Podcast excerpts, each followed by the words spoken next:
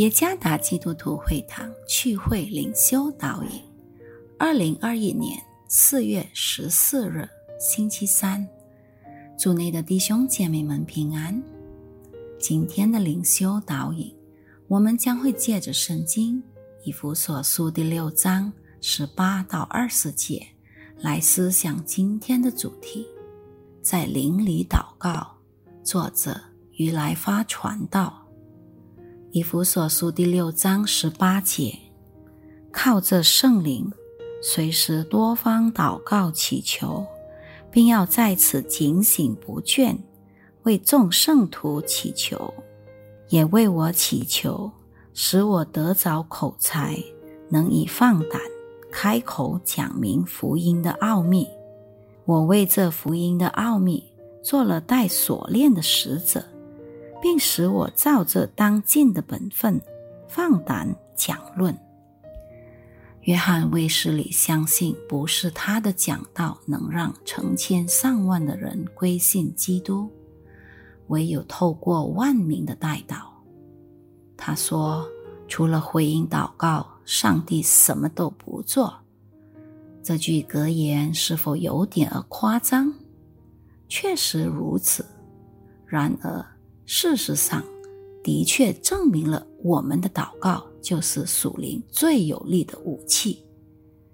上帝的话语告诉我们，靠着圣灵，随时多方祷告祈求，并要在此警醒不倦，为众圣徒祈求。十八节，在灵里祷告意味着什么？这并不代表用方言祷告。或者说方言，参看罗马书第八章二十六节，哥林多前书十四章二十三节。根据语言的上下文，邻里祷告具有几种含义。这个词可以意味着用圣灵的方式、圣灵的帮助以及与圣灵连结。邻里祷告。不着重于我们口里所说出来的话，而是我们祷告的方式。灵里祷告意味着让圣灵亲自替我们祷告，我们为着圣灵要我们祷告的事项祷告。因此，我们不再为自己的私欲祷告。灵里祷告意味着我们的医治。与上帝的旨意相称，这就是祷告得胜的关键。我们此时此刻正在与魔鬼的试探和肉体的私欲征战。当我们遵行上帝旨意时，我们就能在属灵的战争中得胜。就好像上帝的话语说。我们务要随时祷告祈求。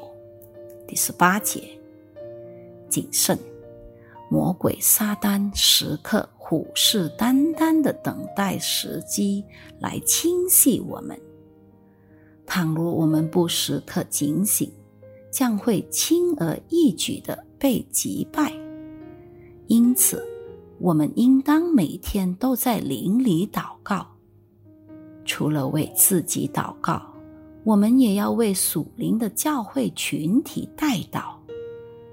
每个教会的弟兄姐妹都因着自己的困境而战争，祈求上帝赐予我们足够的力量。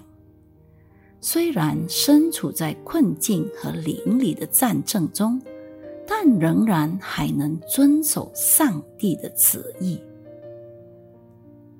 就是基督徒属灵的呼吸和武器。